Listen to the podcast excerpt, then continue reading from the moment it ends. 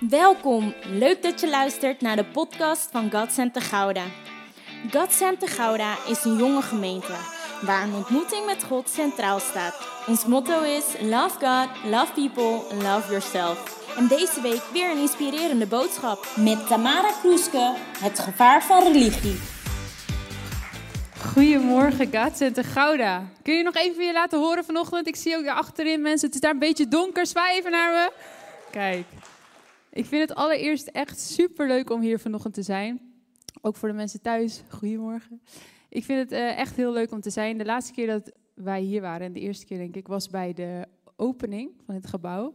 En het zat hier bomvol en het was hier zo gezellig en ballonnen en de kinderkerk zat bomvol. We liepen langs die lokalen, we waren echt helemaal verbaasd.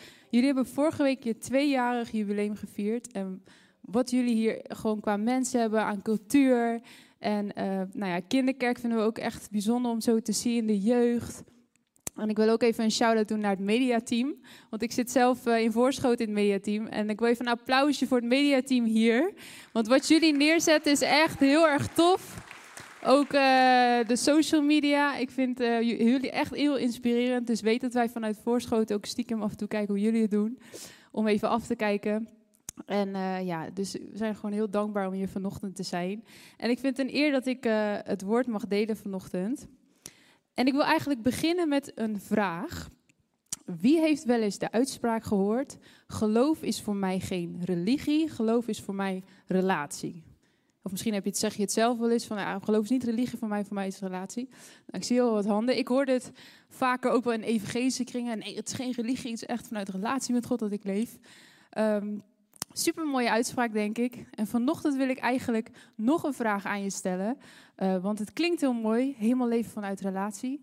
Maar in hoeverre leef je echt 100% vanuit relatie met God?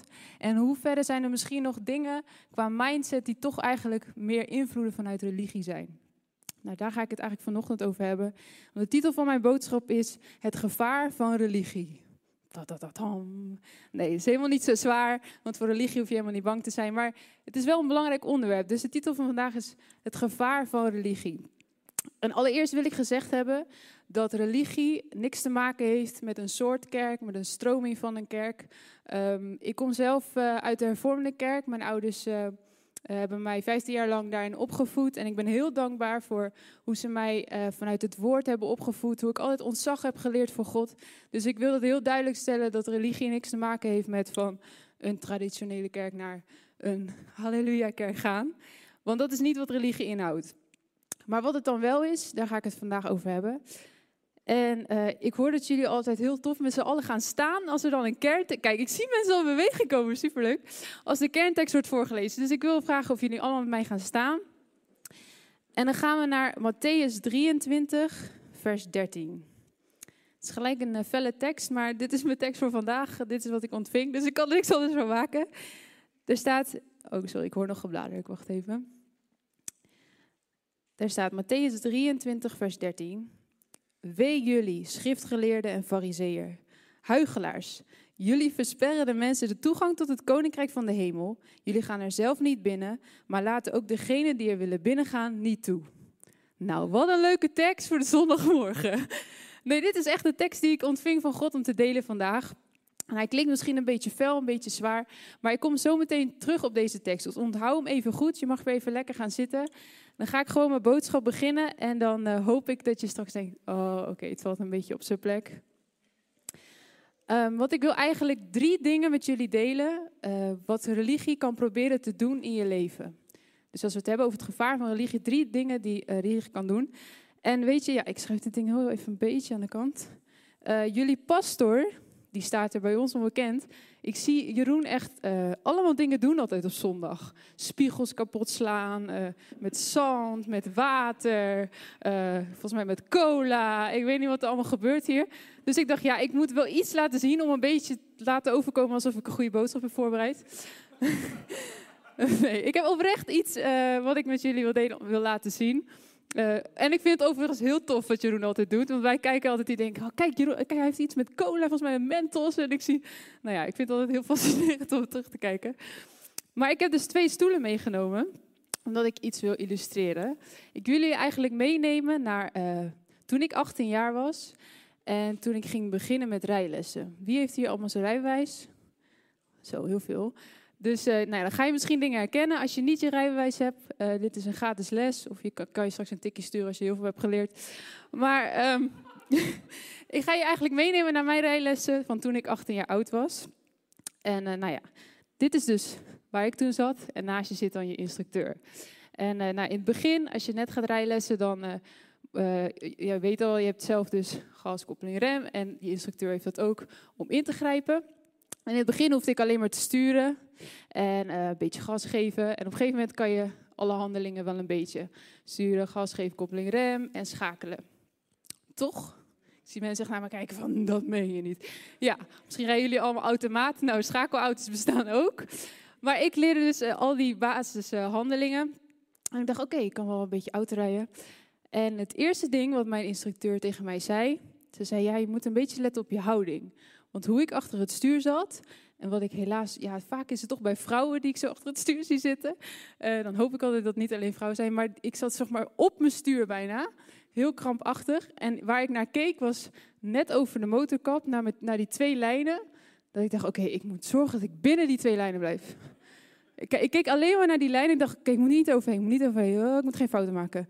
Dus ik was alleen maar daar aan het kijken en ik zat op mijn stuur. En het eerste wat mijn instructeur tegen mij zei, is hij... Je moet niet daarin kijken, je moet je hoofd omhoog doen en je moet kijken voor je, want dat is waar je naartoe gaat. Waar wil je naartoe? Dan moet je je ogen oprichten, want waar je naar kijkt, dan ga je vanzelf naartoe. Nou, heel logisch toch? Dat is het eerste ding, hoe het zit met religie. Want wat religie probeert te doen, is je te laten zijn, net zoals ik was bij mijn eerste les, heel krampachtig, alleen maar kijken naar die twee lijnen. Ik moet zorgen dat ik niet over die lijn ga moet zorgen dat ik geen fouten maak. Heel erg bezig zijn, heel kortzichtig met hetgene wat jij kan doen of waar je juist in kan falen. Dus je beeld is heel beperkt. En wat jouw instructeur, die naast jou zit, de Heilige Geest, God zegt dat hij om ons heen is en hij woont zelfs in ons. En wat hij tegen jou zegt is, kijk niet naar jouw eigen dingen, wat jij kan doen of wat je juist misschien helemaal niet kan doen.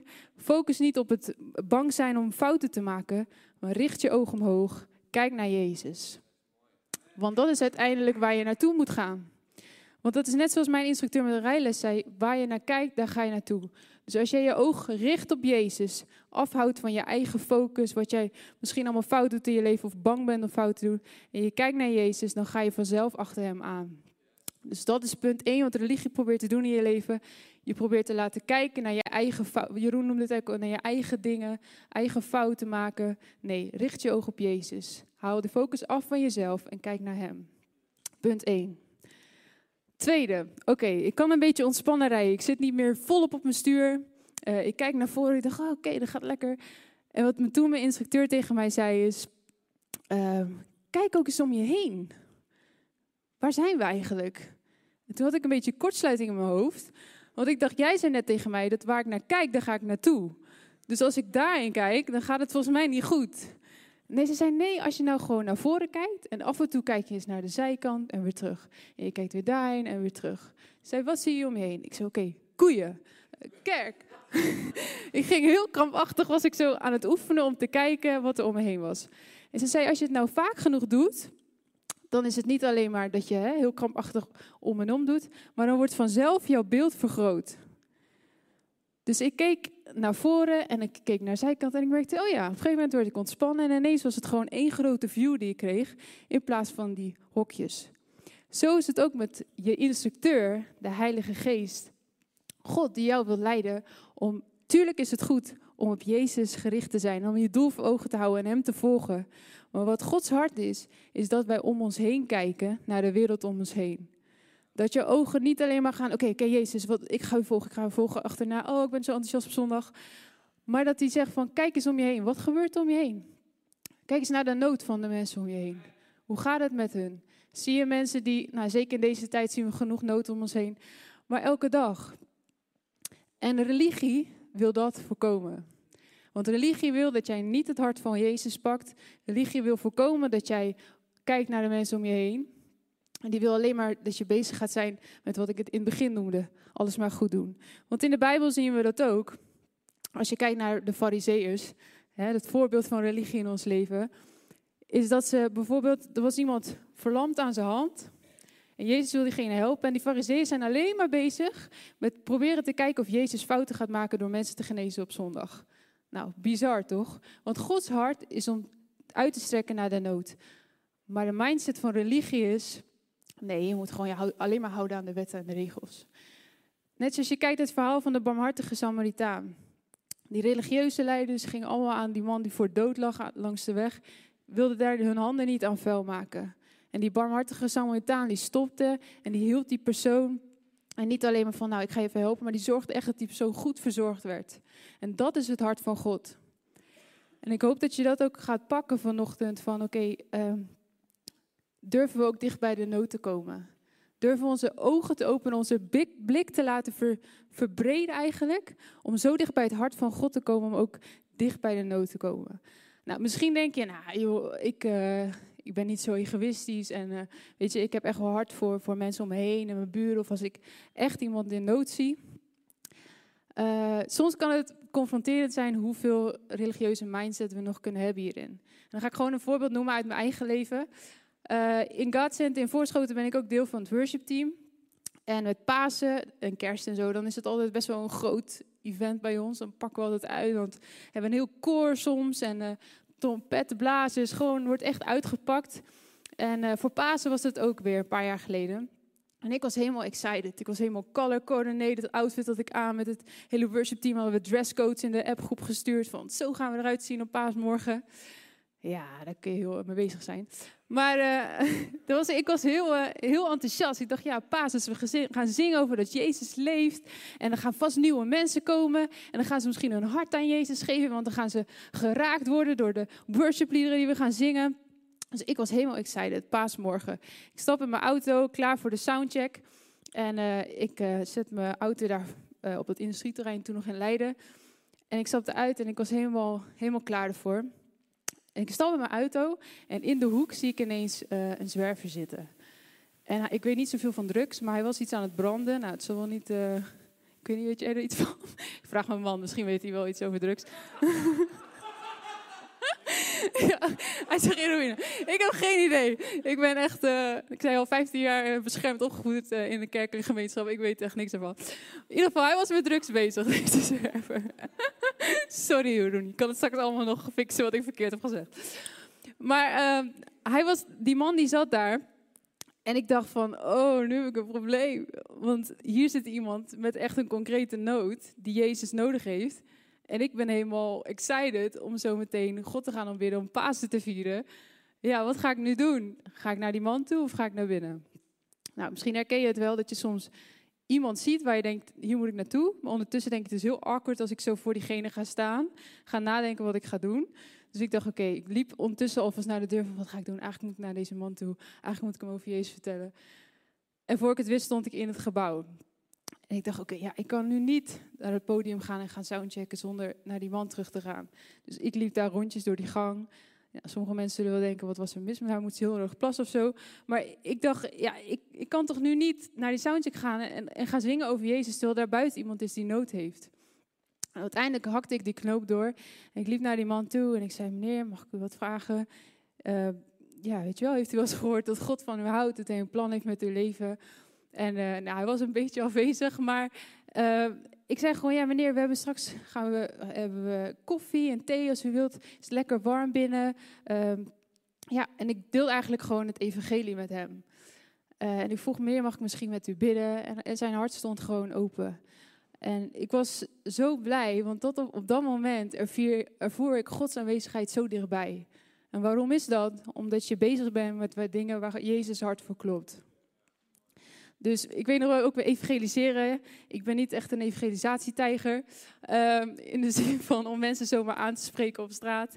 En we hadden een keer een training en dan gingen we met z'n allen de stad van Leiden gaan evangeliseren. Ik dacht, oké, uit je comfortzone. Gewoon doen, dit is het hart van God. En ik weet nog wel dat ik eindelijk de moed had verzameld om met een meisje te praten en haar over Jezus te vertellen. En ze was heel open. Ze zei, ja, vertel maar. En ik kreeg gewoon een blackout. Dus gewoon letterlijk wist ik niks meer te zeggen. Niet over Jezus, niet over mezelf, gewoon niks. En ze keek me heel vriendelijk aan van ja, vertel maar. Ik dacht echt zo, ik kwam gewoon niks meer uit. Ik dacht, oh heer, wat een getuigenis is dit. Dus ik stond voor haar en op een gegeven moment vroeg ik alleen maar... Op een gegeven moment kwam er niks meer uit. Ik zei, mag ik misschien voor je bidden? Ze zei, ja, tuurlijk. Dus ik legde haar armen op haar schouder, mijn hand op haar schouder. En ik bad voor haar. En voor mijn gevoel gebeurde er helemaal niks. Maar ik vroeg gewoon, uh, ja, er voel je misschien iets? Ze zei, ja, ik werd helemaal warm. En wat is dit wat ik voel? En op dat moment besefte ik, het gaat helemaal niet om wat ik voel of ervaar of wat ik denk dat ik uitstraal. Maar uiteindelijk is het gewoon doen wat het hart van God is. En dan ga je zien dat God de rest doet. En dat vond ik zo mooi op dat moment, want het meisje was oprecht geraakt. En ik dacht echt van, ik heb helemaal niks gevoeld. Maar God doet het wel. Wij hoeven niet zelf iets te bewerken. Wij moeten gewoon die stap zetten naar de nood toe. De stap zetten naar de mensen toe. En het tweede ding dus wat ik zei, wat religie probeert te doen, is om maar te voorkomen dat jij dat niet gaat doen.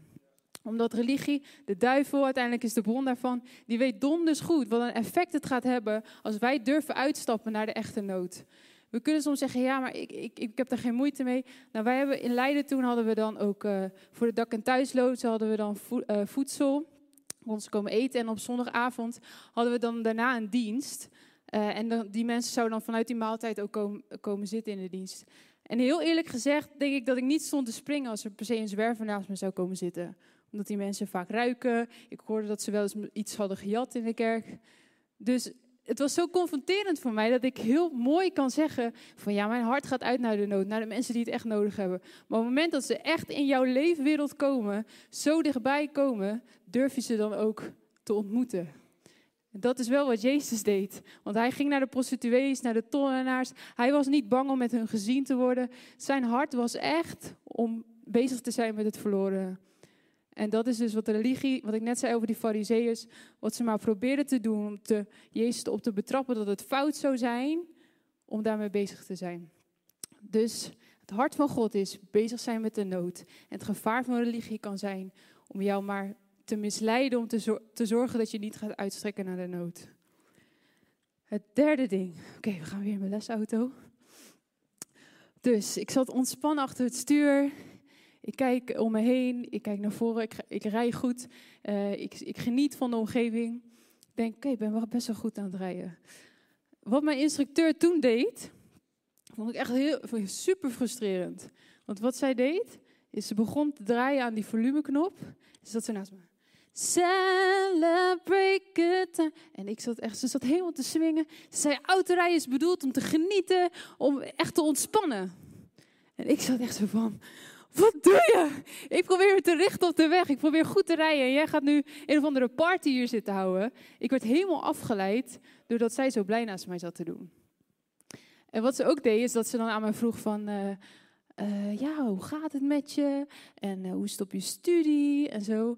En ik, ik, ik, van binnen had ik echt opnieuw kortsluiting. Omdat ik dacht, oké, het doel van autorijden is dat ik van A naar B ga en dat ik niet onderweg verongeluk en dat ik geen brokken maak en dat ik gewoon goed aankom op mijn bestemming. Dus ik snap niet waarom je heel blij naast me zit te doen als mijn instructeur, terwijl ik gewoon hè, van A naar B moet komen. Ze zei nee, autorijden is echt bedoeld om van te genieten en om te ontspannen. En die houding die ik had in de auto over dat ik het heel moeilijk vond om te genieten en om te ontspannen, dat is het derde ding wat religie probeert te doen in ons leven. Om te voorkomen dat jij geniet van de journey met God. Om te voorkomen dat je lol hebt onderweg, dat je volop geniet van het leven. Terwijl jouw instructeur, God, de Heilige Geest, die wil dat je geniet van je leven. Die wil dat je lol hebt onderweg, weet je. Terwijl je volop achter God aangaat, terwijl je aan het uitreiken bent naar de mensen om je heen.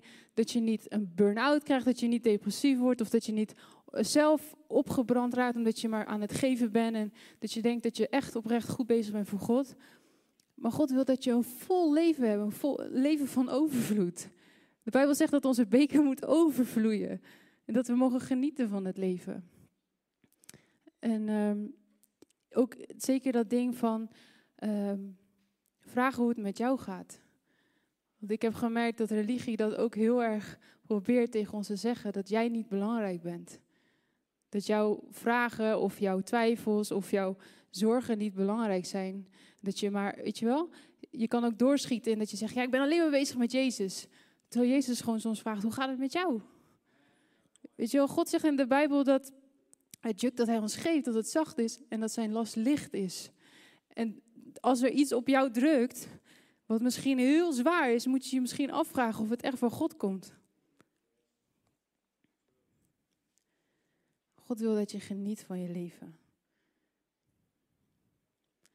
de fariseeërs, de religieuze leiders, die probeerden Jezus daar ook op aan te spreken. Weet je wel, als hij gewoon bezig was om iets te eten te verzamelen op de, op de rustdag, dan werd hij daarop aangesproken. En Jezus zegt dat later ook dat de dingen die in je mond gaan je niet onrein maken, maar wat eruit komt.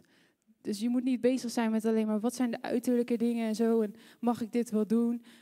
Maar het hart hij zegt het gaat om het hart, weet je wel. Een paar, keer in de Bijbel zegt hij dat hij niet kijkt uh, naar de buitenkant, maar hij kijkt naar ons hart. Dus in die zin voel je niet beperkt dat je denkt, ik mag niet genieten van mijn leven. En misschien kun je nu denken, ja, dat klinkt heel mooi, vrijheid, genieten van je leven. Maar er zijn ook kaders, toch? Anders dan wordt het allemaal losbandigheid en wat zijn de grenzen dan?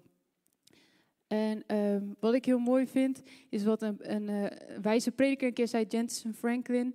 Hij zei, think outside the box, not outside the book. Dus het is goed om vrij te denken, maar als je binnen de kaders van het woord van God blijft, dan ben je altijd veilig. En dan kun je soms denken, ja, maar wat, wat zijn dan die kaders? Weet je wel? Het woord van God, de Bijbel is heel groot, staat heel veel in. Maar daarom is het zo belangrijk om je te voeden met het woord van God. Om het woord van God gewoon elke dag te lezen. De Bijbel spreekt ook over het woord letterlijk opeten.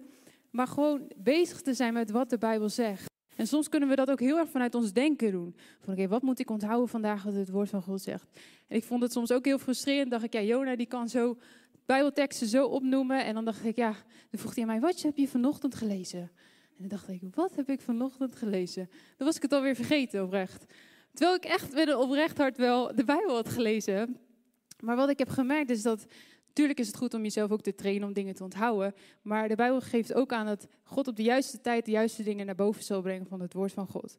Dus jouw verantwoordelijkheid is gewoon om te voeden met het woord van God. Om het gewoon te lezen. En soms zul je het niet begrijpen.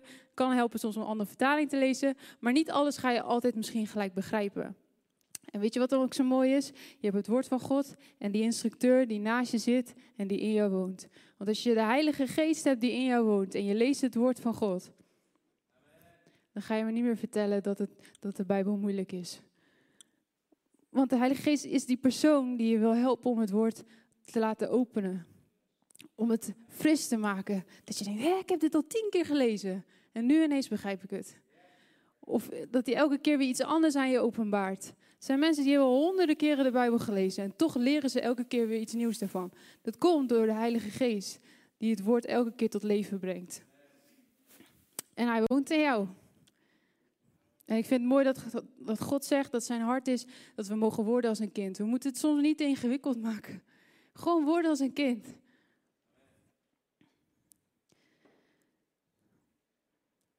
En uh, wat, deze drie dingen, wat ik zei, uh, je ogen richten op God, kijken naar de wereld om je heen en ook leren om de ruimte te hebben voor jezelf. Dat is precies de visie van jullie gemeente. Love God, love people, love yourself. Dus laat je niet langer de leugens van de duivel. Accepteer dat niet langer de leugens van religie. Dat je moet richten op je eigen fouten of wat je juist heel goed kan. Dat het niet belangrijk is om te kijken naar de nood om je heen. Of dat jij zelf niet belangrijk bent. En als je praktische voorbeelden zoekt van mensen die echt dit leven leven, dan kan ik je oprecht zeggen: Jeroen en Petra zijn echt ook voor ons voorbeelden hierin. Weet je, we kennen ze, jullie kennen ze als pas, dus wij kennen ze als uh, ik wil zeggen, collega's, maar ook als vrienden al heel lang. Van mensen die echt 100% achter God gaan, die echt hard hebben voor de nood. Weet je, ik vind echt, voor ons zijn ze ook inspirerend. Ze hebben oog voor de nood dichtbij, maar ook, weet je wel, met compassion, gewoon over de hele wereld. Niet alleen de nood dichtbij, maar ook verder weg. En ze kunnen echt goed genieten. Ik vind een echte voorbeeld daarin. Gewoon zeggen, ja, van deze week gaan we met de caravan gaan we weer weg. Ze kunnen gewoon heel goed tijd voor hun gezin maken en echt zeggen van nee, dit is echt onze tijd met ons gezin om te genieten. Dus als je concrete voorbeelden zoekt of mensen waar je vragen hè, wil stellen over deze dingen, ga vooral naar je voorgangers toe. En zij zullen ongetwijfeld ook andere mensen weer weten binnen de gemeente die je hierin kunnen helpen. Want uh, wat Jeroen zelf uh, ook zegt, het woord van God moet praktisch zijn, toch? Je moet op maandag, dinsdag, woensdag, de hele week moet je er iets aan hebben. Amen. Oké, okay, ik ben bijna klaar. Maar mijn doel van vanochtend is eigenlijk om religie te exposen. Want hè, die tekst waar we nu aan begonnen in het begin, Matthäus 23, vers 13, ga ik nog een keertje lezen. Wee jullie schriftgeleerden en fariseeërs, huigelaars. Jullie versperren de mensen de toegang tot het koninkrijk van de hemel. Jullie gaan er zelf niet binnen, maar laten ook degenen die er willen binnengaan niet toe. En dat is voor mij de kern van wat religie probeert te doen. Is proberen afstand te creëren tussen jou en God. En weet je wat het ding is? Dat is eigenlijk niet mogelijk. Want Jezus heeft de weg vrijgemaakt door het voorhangsel te scheuren. We hebben net het avondmaal gevierd. De weg is vrij. Er staat niks meer tussen jou en God in. En toch geloven we heel vaak dat het wel zo is. En dat is eigenlijk wat ik vandaag gewoon wil exposen. De Bijbel zegt dat, dat Jezus eigenlijk de duivel te toon heeft gesteld, belachelijk heeft gemaakt. En weet je, we hebben het vaak, ehm, als je kijkt naar de Bijbel, dit schriftengedeelte bijvoorbeeld, misschien vind je dit een heftig vers, maar als je dit hele uh, hoofdstuk leest, wat Jezus gewoon doet is beginnen, hij richtte zich tot de menigte en hij zegt dan wat, religie, wat die religieuze reis allemaal doet. Gewoon aan publiek. Dus het is niet dat hij zegt, nou hé, hey, kom even hier. Ja, ik vind dit niet zo fijn en uh, dit zou ik toch niet zo anders doen. Nee, gewoon aan publiek maakt hij hem gewoon belachelijk. Hij zegt gewoon schijnheilige, noemt hij tien keer of zo. En wij zijn soms te lief voor religie. Terwijl Jezus was niet zo. Jezus was keihard daarvoor. Jezus was genadig voor de zondaren. Voor mensen die prostituees, mensen die, waarvan fariseeën, we moeten haar stenigen, want zij heeft dit en dat gedaan. En Jezus toonde genade. Maar voor religie was die keihard. Waarom? Omdat religie probeert de weg te versperren en de leugen te verspreiden dat er afstand is tussen God en mensen. Dat Bijbelgedeelte waarin Jezus gooit met die tafels in de tempel, kennen we dat? In het begin dacht ik, mijn Jezus?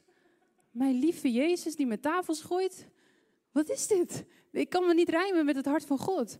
Maar toen ik die openbaring kreeg over dat, uh, dat hij zegt van dit is mijn, het bedehuis, dus het huis van God, is een plek om God te ontmoeten. En daar kwam misleiding, want er, werd, eh, er was ineens een marktplein geworden. Terwijl God wil niet dat er iets in staat tussen jou en een ontmoeting met hem. Dus wat ik vandaag gewoon wil doen, is de religie exposen en de duivel eigenlijk op zijn plek zetten. En de leugens ontmaskeren misschien nog in ons denken dat het licht aangaat. Dat er geen afstand is tussen jou en God. Kijk, wow, mediateam. er is geen afstand tussen jou en God. Misschien wil je gewoon even je ogen sluiten.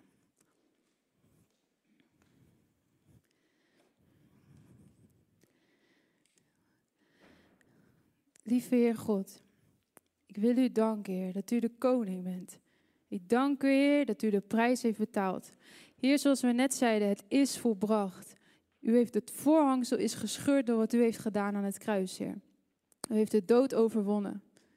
Heer, en daar heeft u gezorgd dat de weg tot de Vader vrij is. Er is geen enkel obstakel, niks meer wat ons kan tegenhouden om in uw aanwezigheid te komen. Om bij u te komen, Heer. Heer, zoals we hebben gehoord, Heer, dat het niet gaat om ons eigen kunnen of ons eigen falen. Heer, maar dat we gewoon zoals we zijn bij u mogen komen. En ik wil op dit moment bidden, Heer, voor iedereen die hier zit in deze zaal. Die misschien geconfronteerd wordt op dit moment met eigen leugens die je misschien heel lang hebt geloofd. Over dat er afstand is tussen jou en God.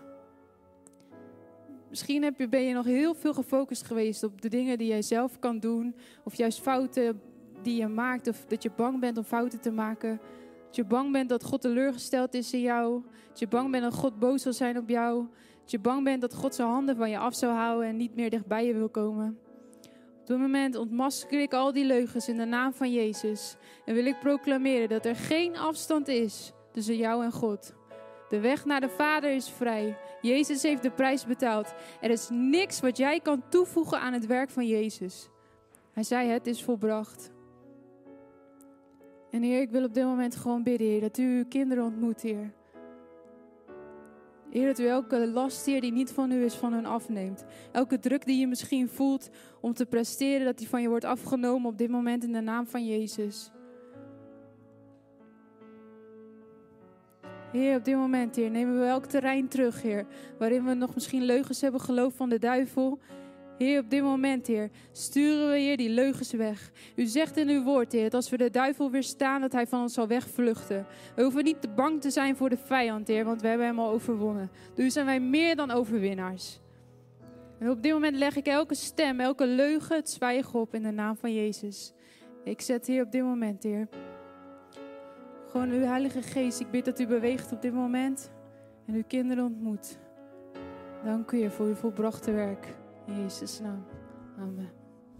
We hopen dat deze boodschap je geïnspireerd, geactiveerd en gemotiveerd heeft in je wandel met God. Deel deze boodschap ook op je socials, zodat vele anderen met jou hierdoor geïnspireerd mogen worden. Ontmoeten we elkaar snel een keer? Zondag om 10 uur tijdens de livestream van God Center Gouda.